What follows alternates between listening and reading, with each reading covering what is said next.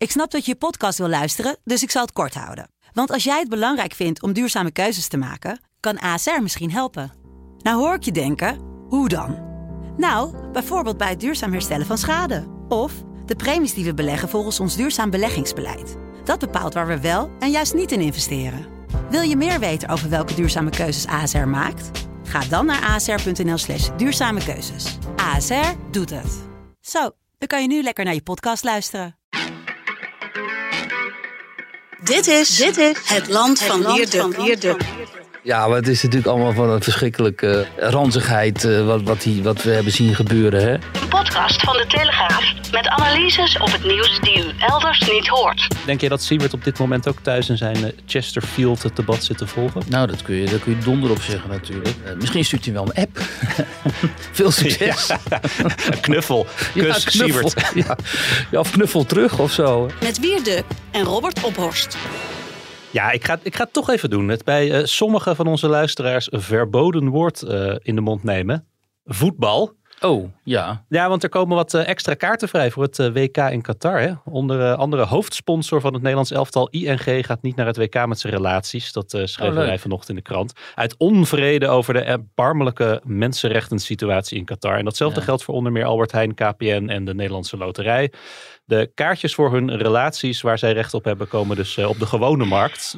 Zou jij geïnteresseerd zijn, Wiert? Zeker, zeker. Ja? ja jij ziet dat mij. wel zitten. Senegal, Ecuador en gastland Qatar. Dat zijn onze tegenstanders in de groepswedstrijd. Nou, dat is een hele fijne groep. En uh, we onderschatten Senegal, vrees ik.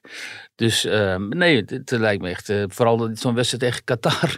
ik ben heel benieuwd wat er dan op de tribune zit en hoe dat eruit ziet daar. Dus ja.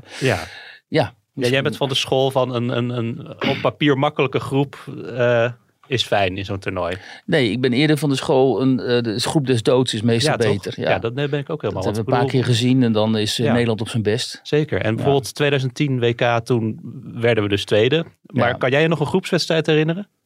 Uh, ja, het is Chili. Uh, oh. oh. wacht, nee, 2010. Ja. Uh, nee, dat was een feestelijk toernooi eigenlijk. Ja. maar volgens mij Japan herinner ik me een wedstrijd. En uh, ik heb wel een aantal van die wedstrijden, al die wedstrijden gezien natuurlijk. Ja, ik heb ze ook allemaal gezien. Nou, maar dat was Brazilië, nee, dat was kwartfinale. Dat was kwartfinale. Ja, dat dat ja, weten we dan. Dat zijn de wedstrijden die ik dan onthoud. Kijk, in 2014 groepswedstrijd, groepswedstrijd Slowakije tegen, Spanje. Mij. Slowakije in 2010. Nou, ja, nou, jouw geheugen is beter dan dat van mij. Nou, maar uh, mijn, mijn punt is meer van gewoon, inderdaad, ik ben het heel met jou eens. Groep, groep, groep des doods, Yo, dat is toch het leukste voetbal. Geweldige wedstrijden gespeeld in groepen des doods. Frankrijk, Italië, toen met uh, Van Onder van Basten. Ja, daarna werden meteen uitgeschakeld door het Rusland uh, van door Hiddink. Dat vond ik landverraad eigenlijk.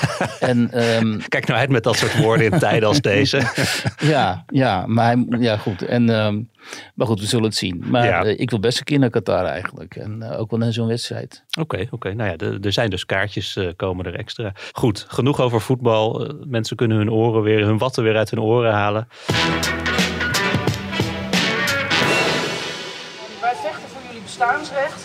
Wij strijden voor jullie uh, waardering. En wij blijven um, uh, aanschoppen tegen het uh, stikstofbeleid. Gisteren is weer gebleken dat er gewoon een compleet fout lijstje is rondgegaan met ammoniakuitstoot. Waarvan boeren direct al zagen, dit kan nooit. Ik vind het belachelijk en onvoorstelbaar dat op dit ministerie er niemand is geweest die zegt van jongens, dit kan helemaal niet. Nederlandse boeren, daar gaan we het uh, om te beginnen even over hebben. Die zitten al jaren in de hoek waar de politieke klappen vallen, schreef onze krant ook vanochtend in het uh, hoofdredactioneel commentaar. Dus dat bleek ook deze week weer, want uh, er stonden een aantal boeren op een lijst die stikstofminister Christiane van der Wal naar de Tweede Kamer had gestuurd. Een lijst met de grootste stikstofuitstoters. Uh, maar ze had uh, flink geblunderd, want er stond ja. een aantal boeren op die lijst die juist uh, enorme moderne em emissiereducerende technieken hebben in hun stallen, waardoor ze juist veel minder ammoniak uitstoten. Ten onrechte stonden ze, werden ze aangemerkt als stikstofbommen.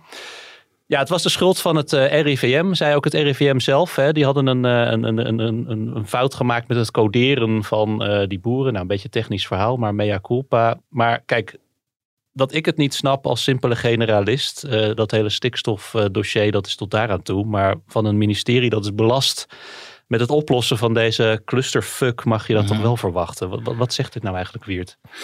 Nou ja, dat het hele stikstofdossier eigenlijk eh, bestaat om eh, boeren uit te kunnen kopen en eh, te kunnen bouwen.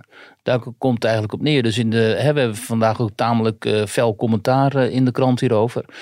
Ehm, ook omdat bijvoorbeeld die eh, stikstofcijfers eh, in, in Nederland, ehm, die krijgen een heel ander gevolg dan bijvoorbeeld in Duitsland. Hè. Dus over de grens heerst opeens een ander stikstofregime, wat, wat gewoon nergens op slaat. Maar ehm, er zijn gewoon een aantal partijen die vinden dat boeren en het boerenbedrijf, dat dat maar een achterlijke bende is. Ja. En dat we ons eten wel elders kunnen kopen. En dat eh, die boeren weg moeten. En dat we daar huizen moeten neerzetten voor al die nieuwkomers. Hè? Want daar komt het eigenlijk op neer. Ehm, omdat we de, de, het eh, aantal mensen waarmee de Nederlandse bevolking eh, stijgt eh, jaarlijks. Dat zijn er tienduizenden. Maar dat komt uitsluitend vanwege immigratie. En er zijn partijen die, zijn, die vinden dat een heel goed idee, die immigratie, want die vinden dat we zoveel mensen moeten opnemen. Nou, die moeten ergens onderdak. Eh, dat zie je nu ook weer met de Oekraïners. En ehm, daarvoor moet landbouwgrond dus eh, wijken. Hè? Rob Jetter die heeft het ook al heel vaak gezegd. Die wil een soort Berlijn aan de Noordzee of zo. Nou, dan kan ik hem waarschuwen, want Berlijn is gewoon een shithole eigenlijk in heel veel opzichten. Dus, maar dat is precies misschien wel wat ze willen. Een shithole maken van Nederland. Dat is altijd wel een leuk- leuke stad hoor, voor een, eh, voor stedentrip. Nou, ik heb er heel lang gewoond. En Berlijn is een hartstikke leuke stad. Maar het is vooral een hele leuke stad voor arme mensen, voor krakers, voor alternatieven. Ja. Voor alternatieve kunst. En dan heb je een paar van die buitenwijken waar rijke mensen wonen. En een paar van die plekken in het centrum ook. Maar voor de rest is gewoon een totaal verpauperde, eigenlijk Centraal-Europese stad. Veel meer Oost-Europees en. West-Europees. Maar ook wel veel meer zichtbare dakloosheid hoor. Want je ziet daar eh, mensen bij de vleet eh zwervers gewoon- op straat lopen. Met, ja, met gewoon zwervers, eh, daklozen, noem maar op. En eh, dat moet dus helemaal niet het streven zijn om van Nederland de Berlijn aan de Noordzee te maken. We moeten ervoor zorgen dat Nederland het Nederland is van wat wij kenden. Hè, met een eh, heel goed functionerende boerenstand ook. Die een hele efficiënte en ook milieuvriendelijke vorm van landbouw en veeteelt erop nahouden. En dat die zo verdacht is gemaakt de laatste jaren door ehm, eh, allerlei partijen, vooral op links. Eh, en dat het CDA ook niet veel meer voor die partijen is, voor die boeren is gaan staan, maar dat dat tegenwoordig ehm, Caroline van der Plas moet doen van de boerenburgerbeweging. Ja, dat zegt alles over de, de koers die de Nederlandse politiek is gaan varen. Mhm. En nu blijkt het dus ook nog eens een keer gebaseerd op gewoon totaal foute cijfers. Ja, dat is weer zo'n verschrikkelijk slecht voorbeeld of goed voorbeeld van hoe, die, hoe dat allemaal niet functioneert daar Ja. in die... eh, Qua stikstof hebben we onszelf ook wel redelijk klem gezet. Hè? De- Vanwege Europese regelgeving moeten we die stikstofreductie eh, verhogen. Ehm, daar is 25 miljard voor vrijgemaakt. Maar de manier waarop wij dat geregeld hebben, dat is een heel ingewikkeld verhaal met Natura 2000 gebieden. Nou, dat, dat piept en kraakt aan alle kanten. ja. Maar even wat die boeren betreft, eh, je ziet, je zou nu misschien wel een soort kentering verwachten, eh, ook, ook door de oorlog in Oekraïne, dat we misschien wat minder afhankelijk moeten zijn van onze voedselproductie van andere landen, zoals bijvoorbeeld Oekraïne. Nou ja, nu blijkt dus, hè, heel veel mensen wisten dat niet, maar Oekraïne ehm, is een, of, of eh, Rusland is ondanks alle sancties sinds 2014 de belangrijkste graanexporteur geworden. En Oekraïne is volgens mij goede Ja. tweede en anders zijn ze wel derde. En wij moeten dus helemaal niet afhankelijk zijn van Nee. dat soort landen voor onze voedselvoorziening. En dat is, eh, hè, waar, sorry, waar critici ook wel vaak op gewezen hebben. Als je je voedselvoorziening niet op orde hebt, dan breng je eigenlijk de veiligheid van de staat in gevaar. Dus elk, elk land moet ervoor zorgen dat het autarkisch is in, die- in zekere zin in het voorzien van zijn eigen bevolking met voedsel. En daar zijn die Nederlandse boeren natuurlijk eh, heel belangrijk voor. En als je eh, ik kan het een beetje vanuit die, die, die gedachte van, hè, van ook van mensen die dan zo eurofiel zijn, zeg maar, of E- EU-fiel. eh, kan ik me dit wel weer goed voorstellen. Want ze denken, ja, waarom? Hè, we zijn met z'n allen in een globaal, globalistisch systeem. Dus als wij niet voor onszelf kunnen zorgen, dan kopen we dat wel elders Ja, en zo. Maar, juist is deze oorlog. Precies, dat is ook precies de kern van het eh, Farm to Fork programma waar Timmermans in Brussel eh, zich Ja. hard voor maakt. Ja, precies. Maar juist deze oorlog in Oekraïne maakt dus duidelijk dat het hele globalistische systeem ehm, eh, heel kwetsbaar is. Ja. En dat is nu aan het instorten ook. Hè. Ehm, dus die globalisten die moeten zich nu ook wel achter de oren krabben, krabben en denken: oké, eh, dit is natuurlijk niet de bedoeling. Ehm, Ik had wel het idee, eh, dat zag je ook bij bijvoorbeeld de manier waarop D66 eh, over defensie praat inmiddels, dat dat achter de oren krabben wel een beetje is begonnen. In welke zin? Als je nou, dat, ze, dat ze dat in de politiek, ook bij linksere partijen of wat meer progressieve partijen, de, de afbraak van defensie die al jarenlang gaande is, oh, dat, dat daar een soort kentering uh, in ieder geval het denken over uh, plaatsvindt. Maar ook wat betreft uh, de, de voedselvoorziening omdat we nu inderdaad de gevolgen zien van als, als een, een schakel in die keten hapert of wegvalt. Oké, nou dat laatste heb ik, heb ik zelf niet gezien. Wat mij wel opvalt is inderdaad, maar daar gaan we het zo meteen ongetwijfeld ook over hebben, dat inderdaad linkse partijen nu begrijpen dat uh, uh, we voor onze eigen defensie beter moeten zorgen. En, maar nu slaan ze helemaal door.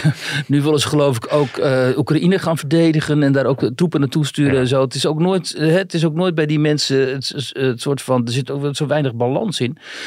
Um, maar ze hebben in ieder geval begrepen nu dat vanwege die oorlog in de Oekraïne, dat we beter met onze defensie, met onze strijdkrachten uh, moeten omgaan. Nou, dat, ze, dat is ook wel weer heel frappant natuurlijk dat je dan ziet dat vertegenwoordigers van partijen die eigenlijk gewoon jarenlang hebben bijgedragen aan het uithollen van de Nederlandse defensie, die staan nu vooraan om te roepen. Hè, maar goed, dan komen zo okay, Maar zo'nzelfde soort kentering zie jij dus nog niet uh, in het denken over bijvoorbeeld de boeren dus?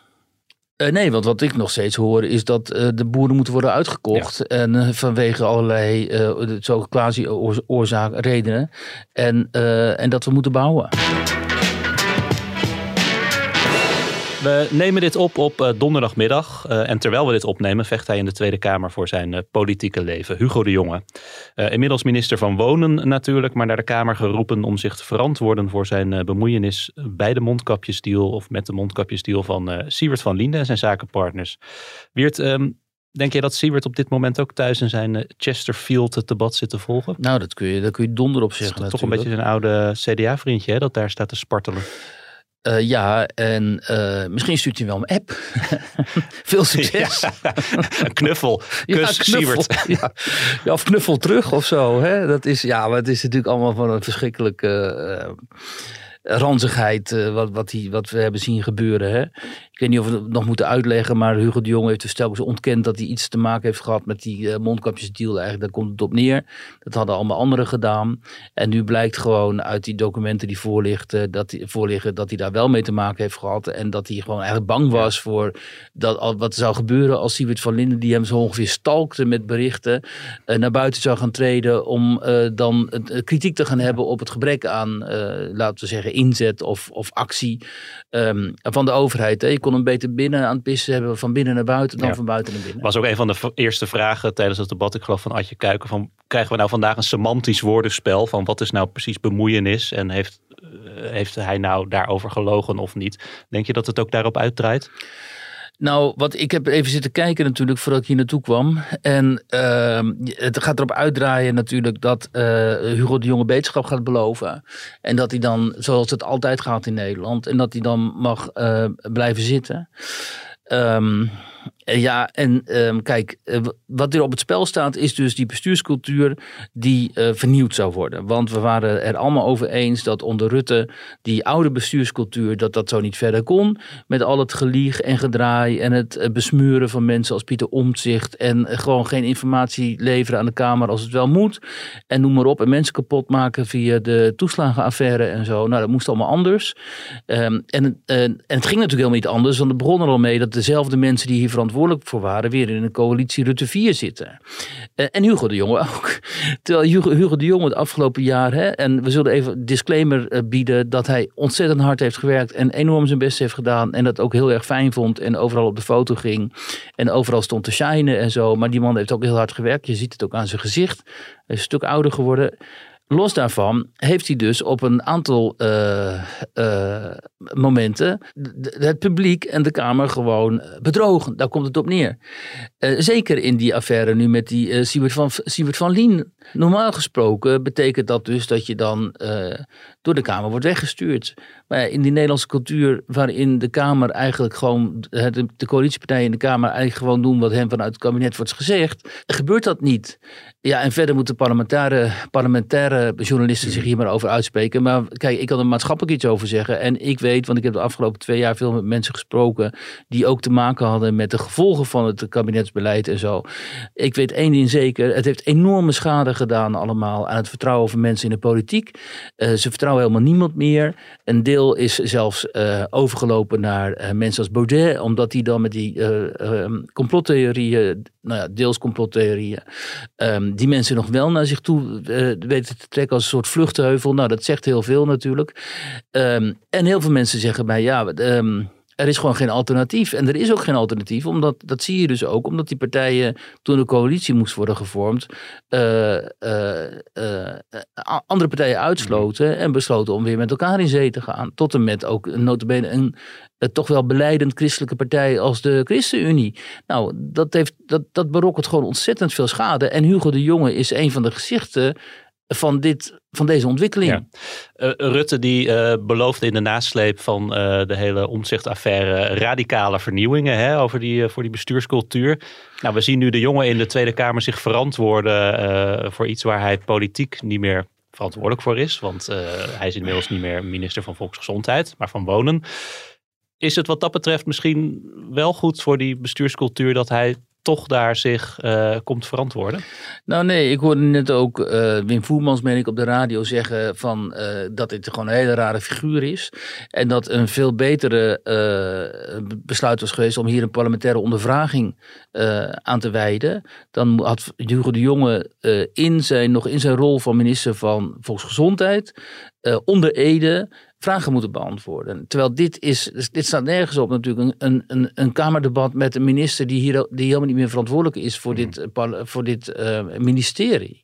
Ja. En um, en grondwettelijk klopt het ook niet. Maar ja, Hugo de Jonge wilde dit nu eenmaal zo graag. Dus dit is weer allemaal zo uh, troebel water eigenlijk waar we ons in bevinden. Ja, Wim Voermans, hoogleraar eh, staats- en bestuursrechten. Een beetje de, ja, precies, een beetje de, man waar je naartoe gaat als je iets wil weten over ons staatsrecht. Dat is wel een beetje zo. Dus dat Wim of uh, eventueel Geert de Waling of zo.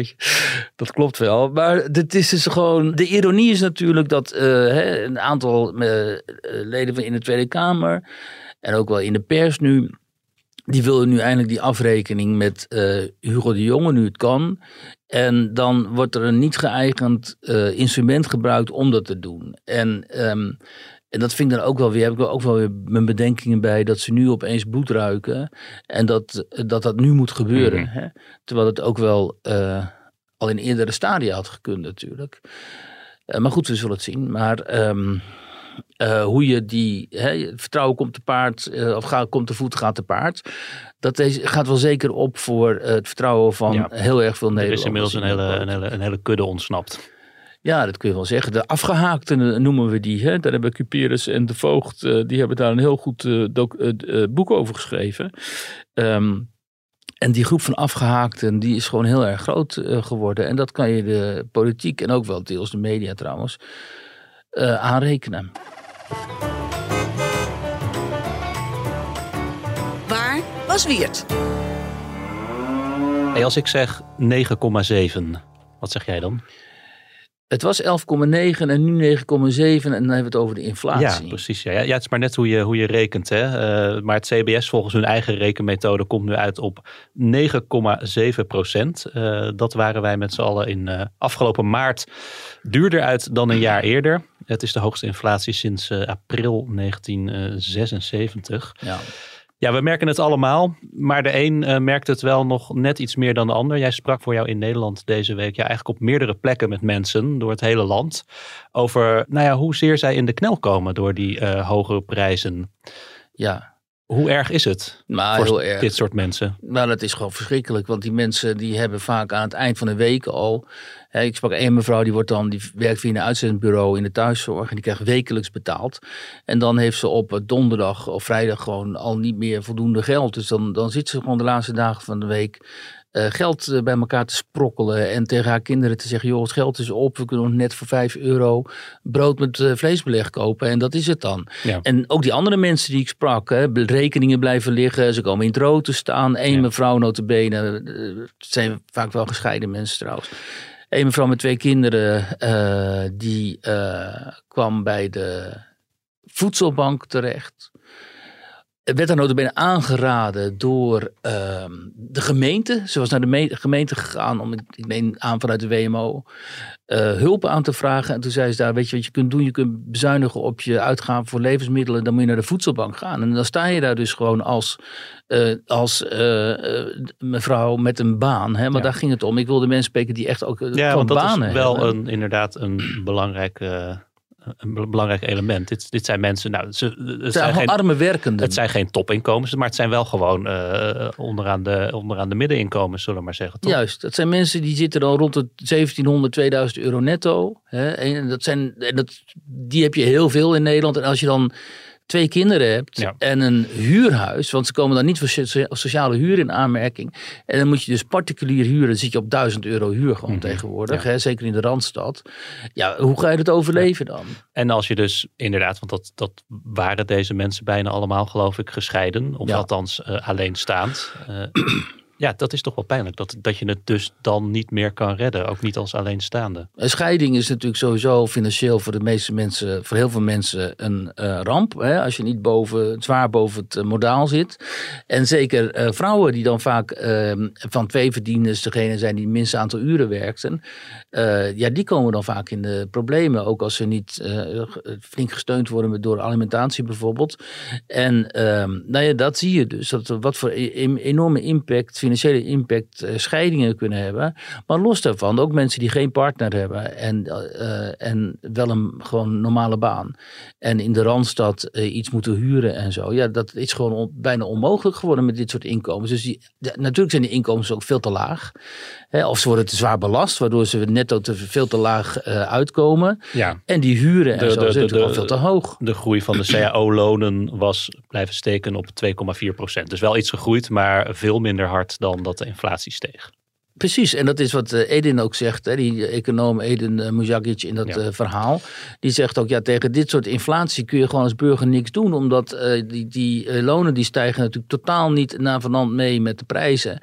Dus hoe dan ook, eh, hij zei ook, eh, dat heb ik niet gequote, maar hij zei ook van ja, je moet het gewoon doorstaan, want eh, er zit niks anders op. Je, trekt, je, je gaat dit ook niet ehm, compenseren door opeens enorm te gaan beleggen of zo met het weinige spaargeld Nee. dat die mensen dan hebben. Of bitcoins te kopen of weet ik veel Goed, wat. ik ben geen econoom, maar het stijgen, eh, het doen laten stijgen van de lonen is ook niet altijd een oplossing. Want dan krijg je weer een loonprijsspiraal. Dat, dat die gestegen lonen weer door worden berekend in de, in de prijs van producten. Ja, Ehm, ja, jij zegt, eh, je noemt inderdaad Edin eh Mujagic. Dat is een van de economen die ook deze week ehm, eh, bij een ronde tafelgesprek was voor de Kamerfractie. eh, of althans de Kamercommissie Financiën, als ik het goed zeg ja. om eh, de politiek ook even bij te praten. Of althans de Tweede Kamer van eh, wat, wat kunnen we nou doen aan die inflatie. Ik geloof niet dat dat inderdaad, nou dat zei je al, heel hoop, hoopgevend beeld was. Er werd vooral ge- gewezen naar de ECB geloof ik. Maar die kan eigenlijk ook niet zoveel doen. Jawel, die ECB die kan best wel wat doen. En Eden heeft, ik heb wel vaker met hem gesproken. En hij maakt ook gewoon die, die, die ECB verantwoordelijk hiervoor. Die ECB heeft bewust gewoon veel te veel geld eh, laten drukken. En dat is om eh, dat ze de, die zuidelijke landen moeten bedienen. Want als je, je kunt die rente in die zuidelijke landen niet laten stijgen. Want dan kunnen ze helemaal niet meer aan de schulden voldoen. En ehm, dus wij drukken, het, komt er gewoon op neer dat, de, dat wij destijds dachten dat met die ehm, eh, Europese munt ehm, een streng, eh strenge monetair beleid zou worden gevoerd eh, vanuit, eh, omdat wij in Duitsland en zo dat wilden. Maar uiteindelijk is het die ECB dus gewoon, zeg maar, de zuidelijke koers gaan volgen. Eh, en eh, zit daar te voldoen aan wat die zuidelijke landen eh, nodig hebben. En waardoor wij hier, waarvan wij hier de gevolgen on- ondervinden. Ehm, want als die inflatie gewoon maar flink oploopt, ja, dan, dan verdwijnen die schulden natuurlijk ook veel sneller. Dus, ehm, en daar ageert hij tegen. En hij snapt ook wel dat je nu niet opeens de rente kunt verhogen. Hè? Eh, want dat zou op, eh, te veel te ingrijpende consequenties hebben op korte termijn. Maar dat be- beleid eh, zou wel moeten veranderen. Ja, ik ben van mening dat, dat zo langzamerhand dat die euro gewoon een mislukking is. En, maar goed, wie ben ik? Maar de- onze burgers, die ehm, ondervinden daar nu wel de, de, de gevolgen van. Ja. Ja, het was geen hoopgevend verhaal wat, wat, wat deze mensen hebben. Maar toch even, dat vond ik dan wel aardig. Dat of althans hoopgevend, wat uh, uh, zei. Van ja, het is wel een. ehm, de geschiedenis leert ons ook dat als er van dit soort majeure eh, geopolitieke ontwikkelingen zijn, hè, nu de oorlog in Oekraïne, is het heel makkelijk om heel somber te worden. Nou, waarvan akte. maar, Ja. maar in het verleden hebben dit soort periodes ook veel innovatiefs opgeleverd, eh, zegt hij. Van, in, een- in een zee van onzekerheid en gevaren ontstaat er altijd een spurt naar nieuwe ideeën en nieuwe technologieën. Moeten we ons daar maar aan vasthouden dan? Zie jij dat ook? Nou, dat is wat hij zegt. Hij vertelde zelfs, eh, maar dat kon er allemaal niet meer in, dat in de jaren 30 tijdens een grote depressie er enorm eh, innovatieve ontwikkelingen waren. En eh, heel, heel, eigenlijk in een versneld tempo allerlei nieuwe te- technologie ontstond. Waardoor we ook uiteindelijk uit die crisis zijn gekomen. En hij ziet dat nu ook wel gebeuren, denkt hij. En nou ja, hij hoopt daar vooral op. En dat is ook het enige waar we op kunnen hopen. Maar ja, met die, ehm, met die oorlog nu in de Oekraïne er nog bij. ehm, eh, hè, en, eh, en Amerika, die, maar daar gaan we het zo nog wel over hebben, denk ik, dat kennelijk vastbesloten is om eh, Rusland ehm, eh, kapot te maken uiteindelijk toch. Is dat maar de vraag, is het vooral de vraag hoe lang dit allemaal gaat duren en hoe lang het gaat duren voordat eh, die oorlog daar ook gaat stoppen, Uiteindelijk komen we hier beter uit, belooft hij. zegt hij. Ja. Ja, nou, ik, zie het, ik zie het gewoon als een belofte en ik hou hem eraan. Ja. Nee, dat is iets om ons aan, eh, aan vast te houden in dit soort eh, onzekere tijden. Het land van de luisteraar. Ik heb het gevoel dat we vandaag en morgen helemaal niets meer te vertellen hebben. We leven toch in een geweldig land. Echt woedend, ja, serieus. Ik kan me zo kwaad om maken. Ze doen ook geen bliksem. Helemaal niks. Nederland is de mooiste land op aarde. Ja, wij kregen een eh, vraag van Mila den Engelsman. Want je weet, hè, zit je te luisteren en heb je een vraag, heb je een opmerking, wil je iets kwijt? Dat kan allemaal in deze rubriek. Een mail naar podcast.telegraaf.nl of eh, stuur ons even via Twitter een bericht of via een andere weg. Eh, Mila den Engelsman die stuurde een mailtje en zij schrijft onder andere... Ik blijf mij het meest verbazen dat geen enkele westerse leider naar Poetin gaat en gewoon praat totdat het opgelost is. Als wij ons democratisch en geciviliseerd noemen, waar is de kracht en leiderschap dan dit te willen oplossen in plaats van verder met wapens dit uit te vechten? Ja, en eh, daarbij aansluitend kun je zeggen, is het niet vreemd dat eh, we Zelensky en ook eh, westerse leiders eigenlijk niet meer horen over onderhandelingen en eh, staakt het vuren, maar vooral over het meer leveren van wapens. Zelensky die erom vraagt en, en de westerse leiders die, die dat toezeggen. En de Tsjechen die sturen nu ook eh, oude Sovjet-tanks eh, daar naartoe. Ja, zodra het Westen stopt met het sturen van wapens, dan is het natuurlijk ook gedaan. Ja, dat, dat lijkt mij ook. Ehm, maar je kunt eh, beide doen. Je kunt en zeggen, oké, Oekraïne heeft het recht op zelfverdediging, dus wij steunen hen met wapens. Maar we willen wel sterk aandringen op het voortzetten van die onderhandelingen. Ondanks die oorlogsmisdaden die we daar ook hebben gezien. Omdat dit eh, vechten natuurlijk moet stoppen, want het levert uiteindelijk eh, niks op. En die oorlog die stopt uiteindelijk toch. En dan moet er gesproken worden over wat nu. Ja. En of die, die oorlog kan beter nu stoppen, dat wapengekletter, dan over drie maanden of vier maanden of een jaren. Als er dus nog vele duizenden burgers meer dood zijn gegaan. eh, en we eh, waarschijnlijk gewoon rond dezelfde grenzen staan eh, als nu. Want de Russen gaan gewoon West-Oekraïne en Kiev gaan ze niet innemen. En de Oekraïners gaan de Donbass en de Krim niet terugkrijgen. Dus, dus als je dan verder denkt en je luistert ook naar iemand als Dick Berlijn, die zegt Oekraïne moet deze oorlog winnen. Ik meen dat hij daarmee bedoelt dat Oekraïne deze oorlog ook voor ons voert. Dan denk ik, wat is hier nou precies gaande? Want stel nou dat Oekraïne die oorlog zou winnen dan. Hè? Stel wij leveren hen wel eh, jets en weet ik Ja. veel wat. En, En, en wat is winnen? Is dat dat Rusland helemaal eh, terug wordt gedrongen Nou. en ook die, die oostelijke eh, regio's moet verlaten, ook, ook eh, de Krim terug moet geven? Nou ja, dat dus. Wat is dan dat winnen? Is dat dan eh, de Russen verdrijven uit je land? Of moet Poetin dan ook weg? Eh, zoals Joe Biden zei, hè? Poetin moet weg. En dat werd dan vervolgens Ja. zogenaamd gecorrigeerd. Maar For, dat is dus, God's sake, this man cannot uh, ja, stay in charge. power of zo, ja, zoiets. En, eh, de, en als je daar dan over nadenkt, dan denk je, ja, wat is nou je bedoeling dan? Mhm. Want ehm, kijk, ook als, we, als die Oekraïners dankzij onze wapensteun de Russen zouden verdrijven, dan uh, willen de Oekraïners sowieso ook de Russen van de Krim. Dus dan moeten ze de, de Krim gaan, uh, gaan uh, bestoken en op de Krim gaan vechten. Nou, de Russen gaan nooit de Krim prijsgeven. Dan gooien ze nog liever een, een, een, een, tactisch kernwapen erop dan dat ze dat heilige schiereiland dat ze dat prijsgeven. Dus dit is allemaal spelen met vuur. En, uh, en dat bevalt mij allerminst, omdat ik ik begrijp het ook niet. Kijk, als ik zit af en toe bij Vandaag in Site en dan zegt René ook van, joh, we moeten wat doen en zo. Ja, prima. En dan kan ik zeggen, ja, lijkt me beter van niet. Maar Dick Berlijn is niet René van de Grijp. En, en, en Joe Biden ook niet. Dat zijn mensen met uh, invloed, met gezag. Ze spelen een, een belangrijke uh, rol. Wat willen die nou? En, um, en en dan kan ik wel, ik kan wel snappen als mensen zeggen: ja, maar je kunt, je kunt dit ook niet zo laten voortgaan. En, uh, we, en sommige mensen zeggen dan: ja, maar we kunnen Poetin toch niet accepteren dat Poetin blijft en zo. Uh, ja, we hebben in de geschiedenis wel vaker met dictators te maken gehad. En ook met dictators uh, hebben we onderhandeld over. Um, vredesakkoorden. Uh, en elke keer dat wij een dictator dachten af te kunnen zetten vanwege bijvoorbeeld mensenrechten schendingen en zo. Ja, hier gaan we niet mee onderhandelen. Ja, ging dat dus hopeloos fout hè, met uh, Saddam Hussein en met uh, Gaddafi en noem maar op. En um, bovendien heb je ook nog te maken met China. En China dekt Rusland voor een deel. En China hmm. zelf, Xi Jinping, is natuurlijk gewoon zelf schuldig aan misdaden tegen de menselijkheid daar bij die Oeigoeren en zo. Dus waar stopt dit dan?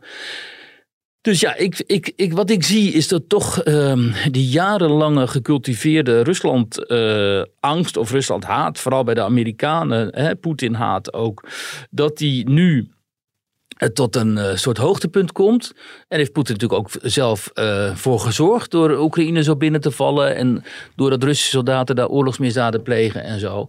Uh, maar ja, dat is nog niet een reden om, um, om dan dit soort standpunten in te nemen. En bovendien zie ik ook aan de Oekraïnse zijde een enorme uh, radicalisering. Hè. Je ziet ook veel van die filmpjes waarop mm. Oekraïnse militairen of paramilitairen dan Russische soldaten gewoon doodschieten. Of die zijn dan gewond liggen op straat en dan worden ze gewoon afgeschoten. Of ik zag ook een, eh, een uh, Oekraïne die dan een Russisch lijk uh, bewerkte ja. met, een, met een mes in het gezicht en zo. Ik, hoe vreselijk dat ook is, ja, in hoeverre kan je het, nou ja, misschien ook wel, maar hoeverre, dat is natuurlijk wel wat je krijgt als je land wordt uh, bestormd door een vijandig leger en uh, mensen worden gebombardeerd, doodgeschoten ja. en steden platgegooid. Dan... Ja, maar het zijn ook mis oorlogsmisdaden. Zeker. Dus, uh, en, en ik merk dat als je dat dan oppert, hè, van jongens, dit zijn ook oorlogsmisdaden, ja, dan is het heel vreemd tegenwoordig dat vooral uit progressieve hoek van jonge mensen, twintigers, dertigers en zo, wordt dan gezegd van ze hebben groot gelijk. En ik zou het ook doen en zo. Dat denk ik, wat krijgen we hmm. nou? Ten eerste, links heeft toch een anti-oorlogstraditie, heeft een pacifistische traditie. Groen, bij GroenLinks is het PSP notabene, is een van de, van de, uh, van de, de grondleggende partijen daar. En die gingen de straat op voor vrede. Die gingen de straat op tegen de oorlog in Vietnam en zo, weet je wel. En, en nu roepen ze om het hardst dat we moeten ingrijpen. En dat de Oekraïners daar, als ze oorlogsmisdaden plegen, ook groot gelijk hebben. Want dat zouden wij ook doen en zo. Dan denk ik, wat is er van, wat is er van die traditie geworden dan? Um, want ik kan het je vertellen, want ik ben veelvuldig in, op, het, op die slagvelden geweest. En daar wil je gewoon helemaal nooit uh, terechtkomen. Ook niet omdat je ziet hoe snel dat soort samenlevingen die in oorlog zijn, uh, enorm verwilderen. Hè? Mm. Dat zie je ook bij, in, in Rusland nu. Um, had ik nog een stuk over in de krant immers deze week. Over de propaganda daar. Hoe, hoe die is niet meer hysterisch, die is gewoon psychopathisch inmiddels. Ja. En dat is die oproepen om het Westen aan te pakken, atoombommen te gooien, Polen, Baltische landen in te nemen en zo. Want daar leven alleen maar een soort nazistische kakkerlakken die uitgeroeid moeten worden. Ja, dat is onvoorstelbaar. En mark my words, dat kan ook hier gebeuren. Want ja. um, dat heeft die coronaperiode wel aangetoond. Als je mensen gek genoeg maakt met propaganda. Ik zeg niet dat dat nu gebeurt, maar um, dat het in Rusland gebeurt en dat die bevolking ook zo gehersenspoeld is, is enorm beangstigend en uh, verbijsterend eigenlijk. Ja, even terugkomend inderdaad, want daar had je een, een, een stevig verhaal over geschreven uh, deze week. Пока твой сапог не стоит на их горле, воспринимается как слабость. И не надо сжать руки этой гадине. И не надо с ними обмениваться формулировками разными, как дела, вести Little, that's small talk. Wat je hier hoort is die um, eigenlijk de belangrijkste propagandist van het Kremlin. En die zegt hier dus letterlijk van, uh, het is geen sprake, kan geen sprake van zijn dat je met uh, nazi's onderhandelt. Wat je moet doen is je laars op hun keel zetten. En, we moeten, en verderop zegt hij dan, en we moeten doorgaan met de opdracht die we gekregen hebben van de opperbevelhebber tot het einde moeten we die uitvoeren. Dus er moet, kan geen sprake van zijn dat we rond, om de tafel gaan zitten en uh, gaan onderhandelen. Daar komt het op neer wij hadden eigenlijk gehoopt misschien dat met die sancties en met, uh, met, met ook die, die verschrikkelijke beelden, dat misschien ook de gewone Rus zou denken van hé, hey, wacht even, hier moeten we tegen in opstand komen. En in ja. opstand komen tegen Poetin. Maar als je dan kijkt, en dat heb jij gedaan, naar de Russische staatstv, wat, wat voor soort toon daar nu wordt aangeslagen en wat burgers en tv-kijkers wordt verteld, dan is dat eigenlijk nog een stuk radicaler dan uh, 40 dagen geleden. Er wordt inderdaad uh, gesproken over kernwapens en een definitieve oplossing voor het Oekraïnse probleem. En ja. jij suggereerde in dat stuk ook dat misschien zelfs Poetin niet helemaal meer grip heeft op deze uh, tv-sterren en talkshow-hosts. Nou ja, dat suggereerde Alexei Navalny ook, hè, die oppositieleider die in gevangenschap zit. Maar die kan wel twitteren. Althans, zijn advocaten komen daar dan en dan schrijven ze op wat ze moeten twitteren als zijn team en zo. En uh, en dat zag ik ook wel gebeuren op die staatstv. Dat uh, um, die, die opruiers, zeg maar, die oorlogshitsers daar. Um, die gaan inmiddels bijna verder dan Poetin en zijn mensen daar in het Kremlin. Dus zij zijn eigenlijk een soort aanjagers nu van van de leiding. Zo van, hè, die, je hebt ook die, die Solovjov daar, dat is uh, een van de grootste schoften. Die uh, dan zegt van, uh, luister eens, um, onderhandelingen en zo. Je onderhandelt niet, je praat niet met nazi's. Ja, je praat alleen met, als je, het, hun, je, als je je ehm, laars op hun keel hebt staan en zo. Maar beter helemaal niet. Je vernietigt ze en zo.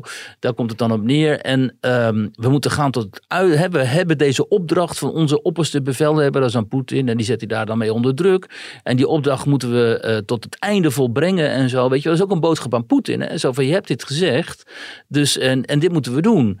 En dat is wat die Russen dus dag na dag na dag uh, te horen en te zien krijgen. En als je dan die straatinterviews ziet met, met Russen, of, of je belt dus met Russen en zo, dan hoor je dus ook precies die indoctrinatie terug. Mm -hmm. hè? We vechten tegen naties. Dat hoor jij ook als jij met mensen belt daar. Ja, nou ja, de mensen die ik dan bel, die zijn dan natuurlijk in de war, omdat ik dan andere dingen zeg en zo. En dan, mm -hmm. um, maar ja, de, en, maar, ja die, die, die zeggen, geloven ook gewoon dat ze daar in gevecht zijn met, een, met het westers fascisme. En, en die slaan ook op neer. Die zijn ook radicaler dan wanneer je ze een paar weken geleden. Nee, die niet. Die, die, die zijn niet radicaler. Alleen um, uh, die geloofden al destijds al dat. Uh, dat, dat Oekraïnse marionetten, dat deze Oekraïnse mm -hmm. staat een marionettenstaat is, die wordt aangestuurd vanuit het Westen en dat uh, het Westen daar dus een nieuwe vorm van uh, fascisme steunt. Ja. Uh, en dat Rusland zich daartegen moet verdedigen en dat Poetin het volste recht heeft om die naties daar te vernietigen en die staat, die, die, die fascistische staat in hun ogen te ondermijnen en te bezetten. En dan is er ook nog zo'n zo'n um, projectmatig stuk van Ria Novus die verschenen. Hè, waar we nou, ook daar wou ik het net inderdaad over hebben. Dat is, dat is dan een stuk wat verscheen van het staatspersbureau. En, en daarin werd nog even uit de doeken gedaan. Nou, de titel was geloof ik vertaald wat Rusland moet doen met Oekraïne. Ja. En de conclusie was eigenlijk het, de, de, de nazificering, uh, als ik het zo moet noemen, van Oekraïne zit eigenlijk veel dieper dan we hadden gedacht. Nou ja, dit is, komt er gewoon op neer eigenlijk. Dit is eigenlijk een soort kopie van het probleem van de Joden, hè, van ja. uit, uh, wat, wat dan in Hitler-Duitsland zou... Goed, dat, dat stuk moet dan ook verklaren waarom niet in drie dagen, het niet in drie dagen is gelukt om Kiev in te nemen en, en Oekraïne aan. Ja, maar eerst wat er staat de... in dat stuk, hè, wat de, de Duitsers hadden natuurlijk dat verhaal over die endleuzing van het Jodenprobleem. Hè, die, die formuleerde ook het Jodenvraagstuk. Mm. Ja. Nou, en nu hebben de, de Russen dus het uh, Oekraïners vraagstuk. Wat daarmee te doen. En dan komt het erop neer dat uh, die, dat hele nazistische denken, dat zit niet alleen bij de leiding, maar dat zit ook bij hele grote delen van de bevolking.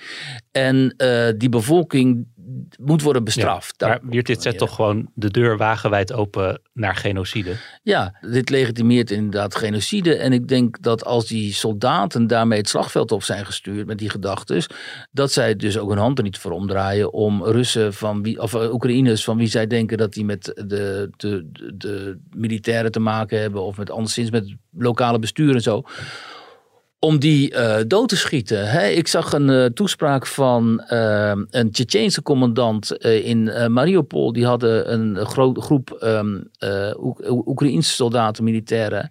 Die hadden ze krijgsgevangen gemaakt en die sprak hen toe. En die zei ook letterlijk van, luister, we zijn hier niet om met jullie te vechten. We zijn hier om jullie land te bevrijden van de nazi's. En niet alleen van dat nazistische denken, maar ook van de ideologie van het transgenderisme en LGBTQ. Dat is echt niet te geloven. Want dat is satanistisch. Satan, zegt hij dan, satanistisch. En ehm, door het Westen, dat is, het is westerse indoctrinatie. Mm-hmm. En wij uh, hebben het recht om jullie uh, daarvan te ontdoen, zodat het ook niet dichter naar onze grens komt en zo. En ja, dus het zit dus ook in die, die, de hoofden van die commandanten, dit ja. soort ideologische retoriek. Nou ja, een van de mensen met wie die vredesbesprekingen tot nu toe worden gevoerd, of vredesbesprekingen, onderhandelingen, is, is buitenlandminister Lavrov van, uh, van, van Rusland. Ja, die werd tot voor kort altijd wel gezien als een, als, als een echte reaal uh, politieker. Maar als je dit soort ideeën en theorieën hoort, valt daar dan mee te praten en te onderhandelen op een rationeel niveau? Nou, wat interessant is, is dat de Russen na die vredesbesprekingen of onderhandelingen eigenlijk, hadden ze ook die Medinsky afgevaardigd. Dat is de voormalige minister van uh, Cultuur. Uh, daar heeft uh, bijvoorbeeld de Hermitage in Amsterdam mee te maken gehad. En ook iemand als uh, Scheijen, die dan exposities samenstelde voor de Hermitage en zo. En dat is een ultra-conservatieve figuur, Russisch orthodox ook. Um, en die vertegenwoordigt eigenlijk volledig dat denken van Poetin over de, uh, de, de historische opdracht van, van Rusland. Hè? Die Medinsky heeft ook wel gezegd in besprekingen met die hermitage hier, dat hij dat, dat gekrabbel van mensen als uh, Malevich en zo en van die andere suprematisten, hè, dus dat abstracte uh, schilderen, dat vond hij allemaal maar flauwekul en zo, weet je wel. Dat hij, kon zijn vier na, vierjarige neefje ook. Ja, dat kan zijn vier En hij wil natuurlijk gewoon iconen of zoiets, of, of heiligen. Hè? Dus het feit dat, dat, dat, dat zo'n man best belangrijk is in dat team, dat zegt heel veel. Want dat is, hij vertegenwoordigt die, die ideologische component van, luister eens, wij zijn hier met z'n allen een orthodoxe beschaving, hè, een orthodoxe christelijke beschaving. De Oekraïners ook, dat zijn in principe onze broeders, want Oekraïne bestaat niet en iets als een Oekraïne bestaat. Het zijn allemaal Russen en Oekraïners zijn Russen met een, met een raar accent. En uh, tegen die orthodox Russische beschaving die wij verdedigen, die is conservatief, hè, die heeft hele duidelijke conservatieve waarden, familiewaarden, uh, noem allemaal maar op. Uh, daar, die wordt nu aangevallen door dat decadente Westen dat met de transgender generaals in Amerika, zeg maar, ons uh, hun levensstijl komt opdringen. Hè? Dat is de ideologie. En die Medinsky gelooft zoiets. Tenzij die heel erg cynisch is, maar deels zal hij dit, um, dit geloven. En uh, die ideologische component is juist zo belangrijk, omdat iemand als Lavrov waarschijnlijk, die een realist is, die had waarschijnlijk al lang gezegd van joh, uh, dit gaat mis. Laten we gaan onderhandelen, laten we ervoor zorgen dat we die Krim en uh, de Donbass krijgen. Ja. En voor de rest overgaan tot de orde van de dag. Maar met die ideologen juist, en Poetin is inmiddels ook een ideoloog, die uh, zijn bereid, denk ik, vrees ik, om toch het veel langer uit te houden. Omdat ze vinden dat ze vechten ook voor een, een bepaalde uh, wereldbeeld en een bepaalde uh, beschaving. Hoe onbeschaafd die ook is. Ja. Want dat, dat blijkt wel op dat slagveld. Maar dat Rusland een bepaalde beschaving vertegenwoordigt en dat het het recht heeft om die beschaving te verdedigen als ze vinden dat die aangevallen wordt ja, dat, dat lees je toch wel in al die mhm. teksten. Hè? Dat is in al die teksten ja. van Poetin ook duidelijk. Maar stel nou dat het toch op een gegeven moment tot een compromis komt. waarin bij delen van Oekraïne dan worden uh, toegekend aan Rusland. en delen aan, aan, teruggegeven aan Oekraïne. En er komt een soort uh, vrede, al dan niet een gewapende vrede daar. Is dat dan genoeg voor mensen zoals die cultuurminister en Poetin die op deze manier denken? Nou, dat, dat, dat denk ik niet. Alleen ze zullen dan wel uh, eieren voor hun geld moeten kiezen, vrees ik. Ehm, ik denk dat het gaat er sowieso op uitdraaien, denk ik, dat uh, de Donbass en de Krim naar Rusland zullen gaan. Um, en uh, dat Oekraïne dan, dat we dus een soort romp Oekraïne krijgen met weliswaar de hoofdstad Kiev, dat dan tot, tot het westen zal gaan behoren. Nou, al dan niet officieel bij de EU. Ja, nou als het toch waarschijnlijk daarop uitdraait, dan zou je dat beter nu alvast kunnen uitonderhandelen. Hè? En dan krijg ik heel veel shit over mee van mensen die zeggen: hoe kun je nou uh, voorstander zijn van het opdelen van een soeverein land? Ja het zijn ook gewoon feiten op de grond natuurlijk. En uh, waar je rekening mee moet houden. En Tsjechoslowakije is ook uh, uit elkaar gegaan. En die deden dat vreedzaam. En dat oosten van Oekraïne is ook een beetje een rare anomalie in het land. Hè. Uh, tenminste vanuit de nationalistische Oekraïnse gedachte. Um, is dat gewoon eigenlijk een soort van... Ja, een soort achterlijk gebied waar heel veel mensen wonen die sympathie voor Rusland koesteren. Een soort, soort grensland. Ja, en de Krim was gewoon altijd Russisch gebied. Dat heeft ooit uh, Khrushchev, die heeft dat dan aan de Oekraïne gegeven in een rare bui, omdat, hij, dat, dat, omdat dat eigenlijk helemaal geen betekenis had binnen die Sovjet-Unie. Maar dat de, de Krim Oekraïens was, was ook een beetje een, een anomalie. Dus mm. je kunt daar uh, met goede wil, als die er zou zijn, zou je daaruit kunnen komen. Um, voordat die gevechten in de Donbass in alle, alle hevigheid zullen toenemen. Wat gaat gebeuren? Hè? Want die troepen die vanuit Kiev nu worden weggetrokken uit de buurt van Kiev, die gaan naar de Donbass. Die moeten daar gaan vechten. Uh, maar ja, ik, ik denk dat, um, of ik vrees met grote vrezen, dat inderdaad um, uh, uh, Oekraïne en de Verenigde Staten denken dat deze oorlog te winnen is. En dat, Poetin, dat ze Poetin kunnen afzetten eventueel ook. Uh, met, ja, met alle gevolgen van dien. Want uh, degene die de, rekening gaan betalen zijn de Oekraïense normale burgers. Hè, de, of normaal, de burgers van Oekraïne. En wij, Europeanen, de Amerikanen niet. Uh, die gaan gewoon meer gas verkopen bijvoorbeeld aan ons. En wij zijn de klos. En de burgers van Rusland ook. Maar ja, die zijn inmiddels kennelijk voor een heel groot deel zo gehersenspoeld. dat ze er wel voor over hebben. Um, maar ja, ik, ik kijk hier naar en ik, uh, en ik uh, verbaas mij. En um, op deze manier heb ik dat nog eerlijk gezegd niet, uh, niet eerder, eerder gezien. Dat er nauwelijks tegenwicht werd geboden aan de partijen die het uit willen vechten, laat ik het zo zeggen. Ik dank jou wel weer, Wiert, voor deze, oh, we zijn deze week. Ja, we zijn er al, denk okay. ik. Nou, heel goed. um, en graag tot snel. Tot volgende week.